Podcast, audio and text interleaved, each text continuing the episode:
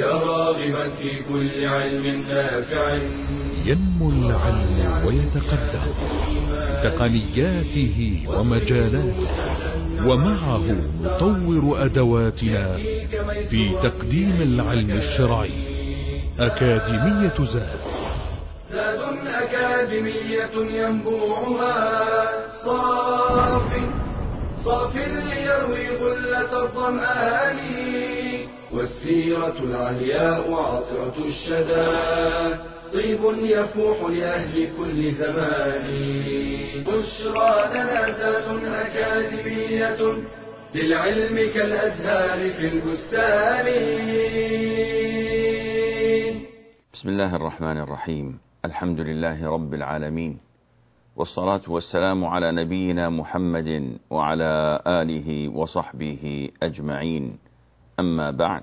السلام عليكم ورحمة الله وبركاته.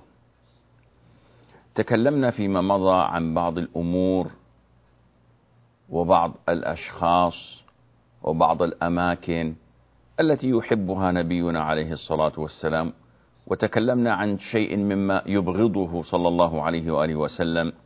ونتحدث في درسنا لهذا اليوم عن بعض الأمور التي كان عليه الصلاة والسلام يكرهها.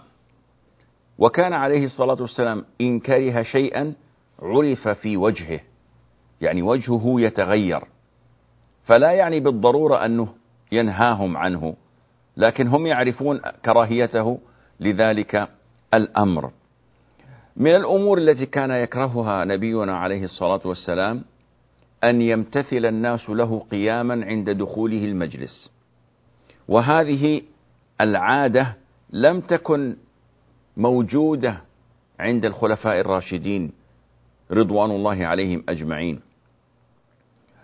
أنس رضي الله عنه يقول لم يكن شخص أحب إليهم أي إلى الصحابة من رسول الله صلى الله عليه وآله وسلم وكانوا إذا رأوه لم يقوموا.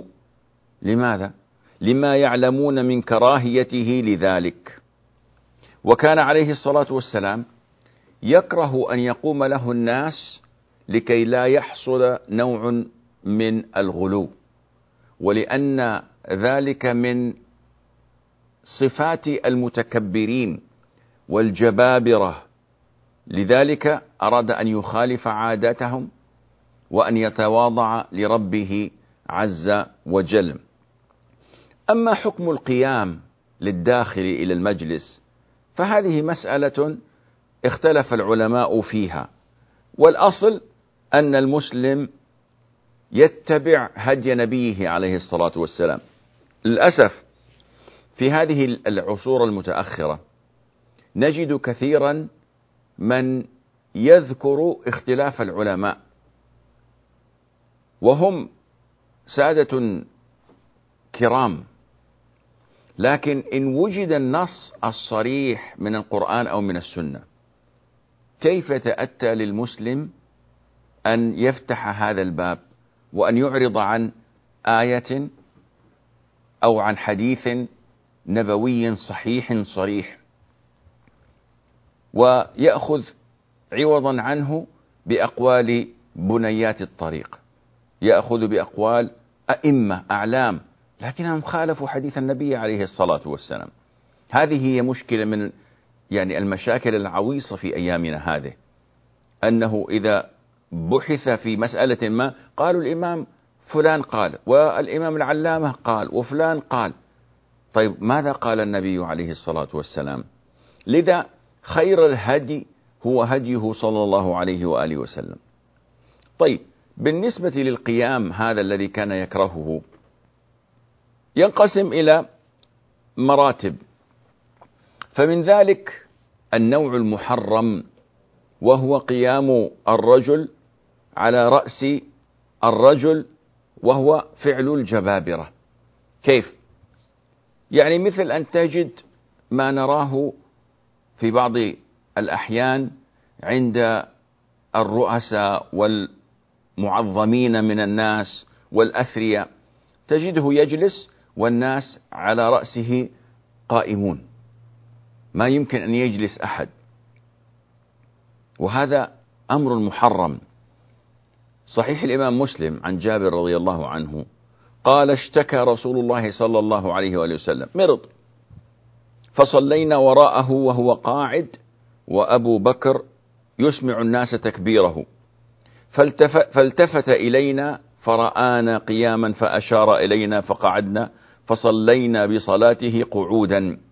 فلما سلم قال إن كدتم آنفا لتفعلون فعل فارس والروم يقومون على ملوكهم وهم قعود. فلا تفعلوا ائتموا بأئمتكم إن صلى قائما فصلوا قياما وإن صلى قاعدا فصلوا قعودا. عجيب. هذا الحديث في الصلاة. والرسول عليه الصلاة والسلام أمر الصحيح القادر على القيام والقيام مع القدرة ركن من أركان الصلاة. أمرهم جميعا أن يصلوا جلوسا وذلك كي لا يتشبه بالأعاجم الذين يقومون لعظمائهم وهم قعود. وهذا هو من أخلاق الإسلام. طبعا المسألة فيها خلاف. والصحيح الراجح أنه إذا ابتدأ الإمام الراتب صلاته قاعدا وجب على المأمومين خلفه أن يصلوا قعودا أجمعين. أما إذا صلى قائما ثم طرأ عليه شيء في صلاته فاضطر إلى الجلوس فآنذاك يكمل المأمومون آه، صلاتهم كما آه، بدأوها قياما. اليوم قد تجد في الناس من يغضب ويجد في نفسه إن لم يقم له الحاضرون ويعتبر ذلك انتقاصا في حقه وإهانة. وهذا من الكبر. النبي عليه الصلاة والسلام يقول لا يدخل الجنة من كان في قلبه مثقال ذرة من كبر. أنت إذا دخلت المجلس إلى عرس أو إلى اجتماع ولم يقم لك الناس إن وجدت في نفسك شيئا من الضيق والشعور بالنقص والمذلة والمهانة فاعلم أنك متكبر. نظير ذلك اليوم ما نجده من أمر الطلاب بالقيام للمعلم إذا دخل الفصل. ظنا أن ذلك احتراما للمعلم وتقديرا له ومعرفة لمكانته وخير الهدي هدي النبي عليه الصلاة والسلام.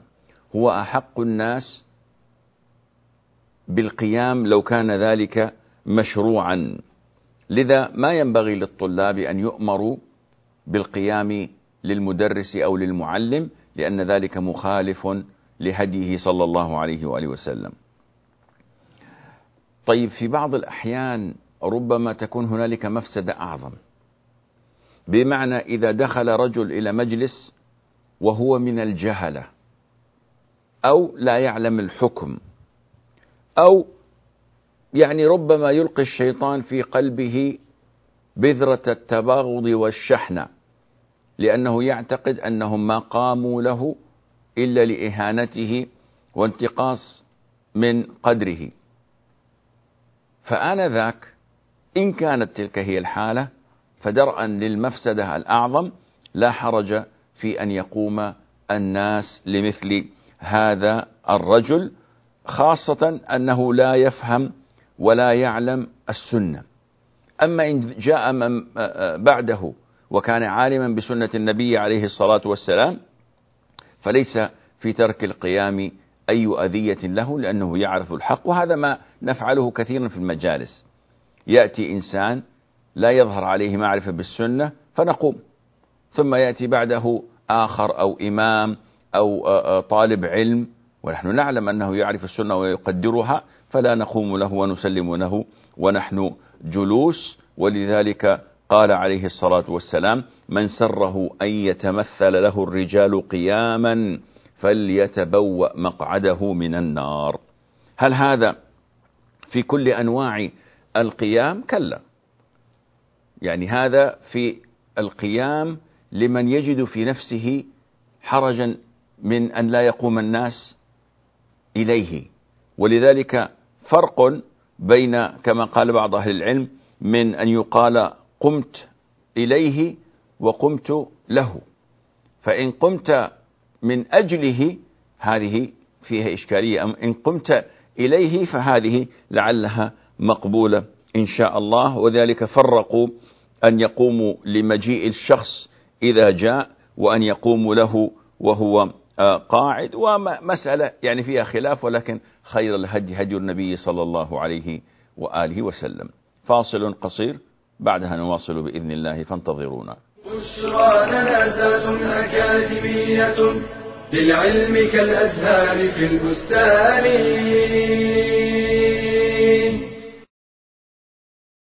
به تنكشف الكربات وتستنزل البركات وتستجلب الرحمات. إنه الدعاء مخ العبادة وباب الخير والسعادة. وللدعاء آداب منها. توحيد الله تعالى والإخلاص له في الدعاء. إطابة المأكل والملبس. استقبال القبلة ورفع اليدين. حضور القلب مع اليقين في الإجابة. الثناء على الله تعالى قبل الدعاء بما هو أهله. الصلاة على النبي صلى الله عليه وسلم. التوسل إلى الله بأسمائه الحسنى وصفاته العلى. الإكثار من المسألة والإلحاح فيها إخفاء الدعاء وعدم الجهر به الجزم في الدعاء وقوة اليقين عدم استعجال الإجابة ومن الأمور المعينة على إجابة الدعاء تحري الأوقات والأماكن الفاضلة والأحوال المناسبة فمن الأوقات الفاضلة وقت السحر الثلث الأخير من الليل. آخر ساعة من يوم الجمعة وقت نزول المطر عند سماع الأذان وبين الأذان والإقامة ومن الأماكن الفاضلة المساجد عموما والمسجد الحرام خصوصا ومن الأحوال التي يستجاب فيها الدعاء دعوة المظلوم دعوة المسافر دعوة الصائم دعوة المضطر. دعوة الوالد لولده ودعوة المسلم لأخيه بظهر الغيب. قال رسول الله صلى الله عليه وسلم الدعاء هو العباده ثم قرأ وقال ربكم ادعوني أستجب لكم. إن الذين يستكبرون عن عبادتي سيدخلون جهنم داخرين. بشرى أكاديمية للعلم كالأزهار في البستان. السلام عليكم ورحمة الله. من أنواع القيام القيام إلى الداخل عند قدومه وهذا لا بأس به. فالرسول عليه الصلاة والسلام كان يقوم لفاطمة رضي الله عنها إذا دخلت المجلس وهي كانت تقوم إذا هو دخل المجلس. كذلك طلحة أحد العشر المبشرين بالجنة رضي الله عنه وأرضاه. طلحة ابن عبيد الله. عندما دخل كعب بن مالك بعد نزول آيات توبته وهو أحد الثلاثة الذين خلفوا عندما دخل المسجد لم يقم له أحد من الصحابة. ونحن نعلم أنهم قد أمروا بهجرته قرابة الشهرين يعني خمسين يوما تقريبا. وأن لا يتحدثوا معه وأن يقاطعوه كل من في المدينة.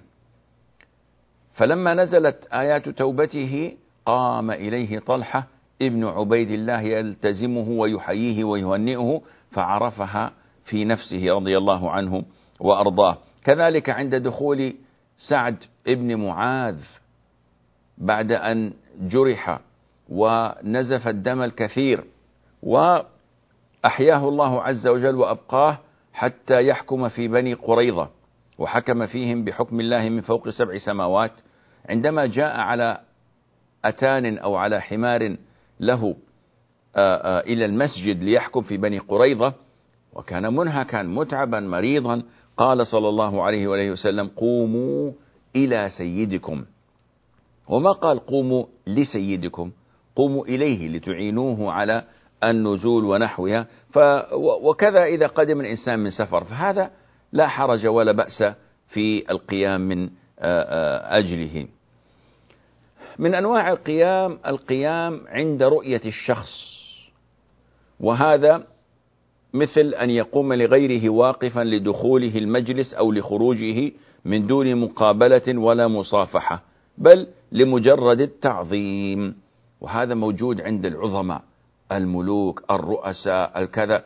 أول ما يدخل المجلس الجميع يقفون. لماذا تقفون؟ لا تريد السلام عليه ولا تريد المقابلة. هذا القيام أمره أقل ما يقال فيه أنه مكروه إن لم يكن حراما. ونظيره ما يفعله آه، يعني الصوفية في مجالس الموالد. عندما يأتي ذكر النبي عليه الصلاة والسلام ومولده يهب كلهم قائمين واقفين وينشدون مرحبا نور عيني مرحبا جد الحسيني وينشرون المعاطر والطيب. إيش هذا؟ قالوا والله هذا قيام لأن روح النبي عليه الصلاة والسلام يسمونها الحضرة حضرت مجلسنا. إيش الكلام هذا؟ يعني من أين أتيتم به؟ وقد سألت أحدهم يعني ذات يوم فقلت له هذه عبادة والقيام لا يكون إلا لله قال حاشا وكلا بل هي من التشريف وكذا. فسألته لو أن رجلا كان بالمجلس فلم يقم هل هنالك من بأس؟ قال هذا يصيبه الشلل الفوري والعياذ بالله. فأي يعني شرك يكون في الاعتقاد في مثل هذه الترهات والخرافات أكبر من ذلك. كذلك يكره كان عليه الصلاة والسلام من الأمور التي يكرهها أن يمشي أحد خلفه. وهذا خلاف ما هو موجود الآن عند العظماء بل وحتى عند العلماء وطلبة العلم. يعني يشعر الإنسان بالزهو والخيلاء عندما يمشي الناس خلفه يسألونه أو يتبعونه احتراما أو تقديرا أو تعظيما أو أي شيء من هذا القبيل. عبد الله بن عمرو رضي الله عنهما يقول كان النبي صلى الله عليه وآله وسلم يكره أن يطأ أحد عقب عقبه ولكن يمين وشمال. يعني يكره أن يمشي أحدا أحد خلفه ولكن عن يمينه وعن شماله. وكان عليه الصلاة والسلام يكره أن يمشي أمام القوم. يعني النبي عليه الصلاة والسلام ما كان يحب التصدر والبروز وأنه أنا ها, ها أنا ذا. بل كان يمشي في وسط الجمع أو في آخرهم تواضعا لله استكانة لربنا عز وجل وكي يتفقد أحوال أصحابه وحركاتهم وسكناتهم فإن اضطر لتعليم جاهلهم عن شيء معين فعله فإنه يكون مراقبا له وناظرا إليه. وعن جابر رضي الله عنه قال كان عليه الصلاة والسلام. إذا مشى مشى أصحابه أمامه وتركوا ظهره للملائكة. إذا ما كان يخاف من أن يأتي أحد من خلفه ويتعرض إليه لأن الملائكة تحمي ظهره عليه الصلاة والسلام. وهذا في بداية الأمر كان عليه الصلاة والسلام ربما اتخذ الحراس. فعن جابر يقول غزونا مع النبي عليه الصلاة والسلام غزوة. وارتاح الناس وذهبوا لي يعني يستظلوا بظل الشجر. فذهب عليه الصلاة والسلام تحت شجرة فعلق سيفه بغصن من أغصانها وتفرق الناس. فقال عليه الصلاة والسلام بعد أن تجمع أصحابه مرة أخرى قال إن رجلا أتاني وأنا نائم فأخذ السيف فاستيقظت وهو قائم على رأسي فلم أشعر إلا والسيف صلتا في يده. يعني هذا رجل أراد أن يغتال النبي عليه الصلاة والسلام ووجد فرصة فأخذ سيف الرسول عليه الصلاة والسلام وقال له للنبي عليه الصلاة والسلام من يمنعك مني؟ فقال عليه الصلاة والسلام الله. أعادها الرجل ثانية فقال الله. أعادها ثالثة فقال الله. فشام السيف أي أدخله في غمده في في غمده. يقول عليه الصلاة والسلام فها هو ذا جالس. يعني الرجل الله عز وجل رد كيده في نحره. فأغمد السيف ولم يستطع أن يفعل شيئا لأن الله عز وجل عصم وحمى نبيه عليه الصلاة والسلام. ثم لم يعرض له عليه الصلاة والسلام وتركه في شأنه وحاله. كذلك روى الإمام مسلم عن أمنا عائشة في مسألة اتخاذ الحراس مسألة أن الرسول عليه الصلاة لماذا كان يمشي في مؤخرة الركب وكان لا يحب أن يمشي أحد خلفه؟ تقول سهر الرسول عليه الصلاة والسلام مقدمه المدينة ليلة فقال ليت رجلا صالحا من أصحابي يحرسني الليلة. فجاء سعد بن أبي وقاص رضي الله عنه وهو مرتد سلاحه. فقال عليه الصلاة والسلام من هذا؟ فرد عليه. فقال عليه الصلاة والسلام ما جاء بك؟ قال وقع في نفسي خوف على رسول الله عليه الصلاة والسلام فجئت أحرسه. فدعا له النبي عليه الصلاة والسلام ثم نام. وهكذا ورد عن سعد بن معاذ وعن جمع من الصحابة أنهم كانوا يتناوبون على حراسته عليه الصلاة والسلام. إلى أن نزل قول الله عز وجل يا أيها الرسول بلغ ما أنزل إليك من ربك وإن لم تفعل فما بلغت رسالته والله يعصمك من الناس. إن الله لا يهدي القوم الكافرين. فعصمه الله تعالى من الناس فصرف حراسه ولم يتخذ حارسا بعد. لأن هذا أو هذه حماية الله تعالى لنبيه فما اتخذ بعد ذلك حارسا صلى الله عليه وآله وسلم. فاصل قصير ونواصل بعدها بإذن الله. بشرى لنا أكاديمية للعلم كالأزهار في البستان.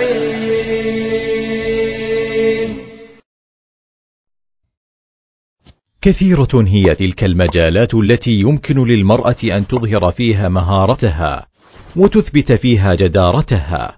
وتاريخنا الإسلامي حافل بمجموعة كبيرة من النساء. بلغن غاية عظمى وأثبتن جدارتهن في كثير من الجوانب التي تناسب المرأة وطبيعتها. فيمكن للمرأة أن تشارك المجتمع وتتفاعل معه ويصل أثرها عالميا دون إخلال بضوابط الشرع وميزان العفاف.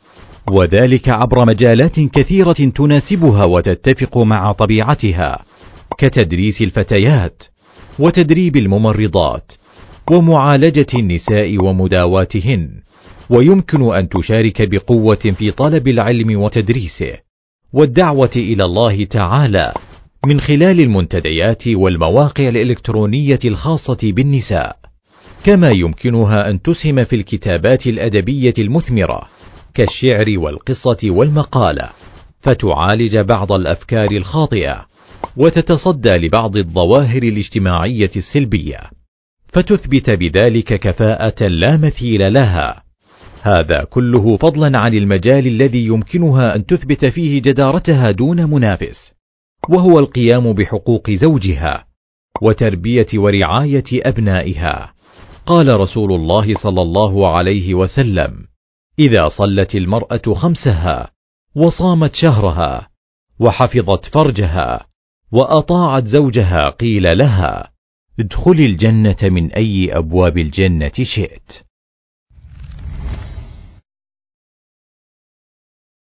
بشرى لنا زاد أكاديمية للعلم كالأزهار في البستان. السلام عليكم ورحمة الله. من الأمور التي كان يكرهها النبي عليه الصلاة والسلام أمور متعلقة بآداب الطعام وهي من الأمور التي ربما يغفل عنها صغارنا وإن شئت فقل وكبارنا. فكان عليه الصلاة والسلام يعلم أصحابه آداب الطعام كما جاء في الحديث يا غلام سم الله وكل بيمينك وكل مما يليك. وكان كما يقول عبيد الله بن علي بن أبي رافع يروي عن جدته قالت كان رسول الله صلى الله عليه وآله وسلم يكره أن يؤخذ من رأس الطعام يعني هذا الطعام موجود كومة كان عليه الصلاة والسلام يكره أن يأخذ الإنسان من رأس الطعام لماذا؟ النبي عليه الصلاة والسلام أخبرنا أن الله عز وجل يبارك في هذا الطعام. والأصل أن البركة من الله عز وجل. والأصل أن المسلم يبحث عن البركة في كل شيء. يبحث عنها في طعامه يبحث عنها في رزقه يبحث عنها في ذريته يبحث عنها في وقته يبحث عنها في عافيته.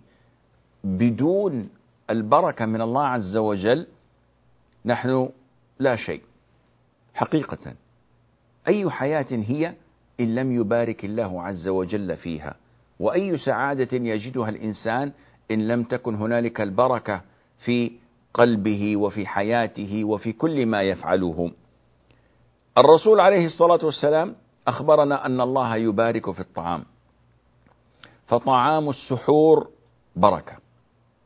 ماء زمزم بركة. من أسباب نزول البركة على الطعام أن يجتمع الناس عليه وأن لا يأكل القوم وهم متفرقون في المجلس. هذا نظير ماذا؟ نظير طعام البوفيه. يأتي كل إنسان بطبق يغرف ثم يذهب في ناحية من الصالة أو من المنزل أو كذا ويأكلون متفرقين. اشتكى الصحابة ذات يوم أن الطعام لا يكفيهم. فقال عليه الصلاة والسلام لعلكم تأكلون متفرقين. كل اجتمعوا على الطعام واذكروا اسم الله عليه. فكفاهم. لما فعلوا ذلك لما اجتمعوا لما يأكلوا من قصعة واحدة من صحن واحد من تبسي واحد هذا فيه بركة عظيمة. الآن يعني أهل الترف يقولوا لا ما يصلح لابد تغرف في صحنك. لئلا يتوسخ الطعام أو يستخدم أو البكتيريا تأتي أو مش عارف إيه. هذا كله كلام فارغ. مع احترامنا الشديد للعلم والعلماء العلم الطبيعي لكن البركة من الله عز وجل. لذلك أنا لا أؤمن إلا بما جاء في القرآن والسنة. فإن قال العلم الحديث هذا خطر أو هذا خلل أو هذا خطأ أقدم كلامهم أم أقدم كتاب الله وسنة النبي عليه الصلاة والسلام؟ النبي عليه الصلاة والسلام عندما اشتكوا له أنهم يأكلون ولا يشبعون قال اجتمعوا على طعامكم واذكروا اسم الله يبارك لكم فيه. إذا أنت تبحث عن البركة والسنة كما تقدم أن تأكل مما أمامك.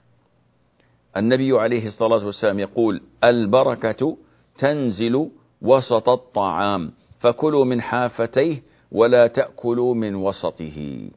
إذا إذا وضع الإناء تأكل من أمامك ما تأكل من وسط الطعام لكي لا تزول البركة عن هذا الطعام. ومن آداب الطعام ومن آداب البحث عن البركة فعل تجد القليل من المسلمين من يفعله يقول عليه الصلاة والسلام عندما أمر أصحابه بلعق الأصابع والصحفة كيف يعني؟ يعني أن تلحس أصابعك بعد الفراغ من أكلك وأن تلحس الصحن الإناء بعد الفراغ من أكلك قال إنكم لا تدرون في أي طعامكم البركة يعني قد تبقى فتات من الطعام من الرز وأنت لا تأبه له وقد تكون فيه البركة من الله عز وجل. فأمرهم بأن يلحسوا أصابعهم وأن يلحسوا الإناء بحثا عن هذه البركة. وفي رواية أخرى كان عليه الصلاة والسلام لا يمسح يده بالمنديل حتى يلعق أصابعه. إذا هذه سنة ثابتة عن النبي عليه الصلاة والسلام. ما أنت فاعل بها. كم فرط المسلمون اليوم في هذه السنة؟ يعني أنت تجد أن المعايير والمقاييس اختلت. أنا أحكم على فعلك من باب الذوق العام الإتيكيت البرستيج. كيف تأكل باليمين والناس يمسكون الشوك بالشمال والسكين باليمين ويقطعونه ويأكلون بالشمال. أنت الوحيد الذي يعني تخالف وتأكل باليمين. هذا ليس من أداب الطعام. ويؤنبك الجاهل على هذا الفعل. إذا ذهبت تأكل مثلا في مطعم ولعقت أصابعك ما جاء الناس وهاجوا في وجهك. ولربما ترك السنة هنا أمام هؤلاء الجهلة الذين لا يقدرونها يكون من الحكمة. قد يكون ترك هذه السنة هنا من الحكمة لأنه كما قال تعالى ولا تسبوا الذين يدعون من دون الله فيسبوا الله عدوا بغير علم. إن ترتب على فعل السنة يعني مفسدة أعظم ومنكر أكبر لا اتركه الآن وعلمهم لعلهم أن يتعلموا. عجيب أن الناس من جهلهم ربما اشمأزوا إن رأوا من طبق هذه السنة المباركة. والإنسان يفعلها يعني حبا في أن يثير اشمئزاز الناس. هل يفعلها من أجل الشهرة؟ أم يفعلها حبا للنبي عليه الصلاة والسلام تصديقا بكتاب الله إيمانا بما جاء به رسول الله صلى الله عليه وآله وسلم. البركة هذه من الأمور التي يطلبها الإنسان في كل شيء في أفعاله في حركاته وسكناته في ماله في أهله. لكن قل أن تجد من يؤمن بمفهوم البركة. في زمن استهلك الناس فيه الأموال عن طريق الحرام ولا يبالون مع أنهم سيسألون. لذا تجد أن البركة في أمور كثيرة والناس لا يعرفون. في سورة البقرة تجد البركة في الأماكن المشهودة بالملائكة مثل مجالس الذكر. تجد البركة في أمور نحن أغفلناها عن جهل أو عن علم. كذلك من الأمور التي كان يكرهها نبينا عليه الصلاة والسلام النوم قبل صلاة العشاء والحديث بعدها. فأما النوم قبل صلاة العشاء خشية أن يؤدي ذلك النوم إلى فوات صلاة العشاء على المسلم. والأصل أنه إذا نام الإنسان ما بين المغرب والعشاء وإن صلى العشاء في وقتها ومع المسلمين فإن ذلك سيدعوه إلى سهر معظم الليل. وكان يكره الحديث بعدها لأن الحديث مشغل عن مناجاة الله عز وجل. نحن للأسف يبدأ الليل عندنا بعد العشاء. فيسهر الإنسان إلى الثانية عشرة أو إلى الحادية عشرة وينام فيغفل عن قيام الليل وربما تأخر في القيام لصلاة الفجر. ناهيك عن أن الإنسان ربما أمضى هذا الوقت في مشاهدة الحرام وفي سماع الحرام. لذا هديه عليه الصلاة والسلام أنه كان يكره النوم قبل العشاء ويكره الحديث بعدها كي يتفرغ المسلم لقيام الليل وصلاة الفجر بنشاط وقوة. هذا والله أعلم ونسبة العلم إليه أسلم. وصلى الله وسلم وبارك على عبده ورسوله نبينا محمد وعلى آله وصحبه أجمعين. يا راغبا في كل علم نافع متطلعا لزيادة الإيمان. وتريد سهلا النوال ميسرا يأتيك ميسورا بأي مكان. زاد زاد أكاديمية ينبوعها. صاف صاف ليروي غلة الظمآن. والسيرة العلياء عطرة الشدى. طيب يفوح لأهل كل زمان. بشرى لنا ذات أكاديمية للعلم كالأزهار في البستان.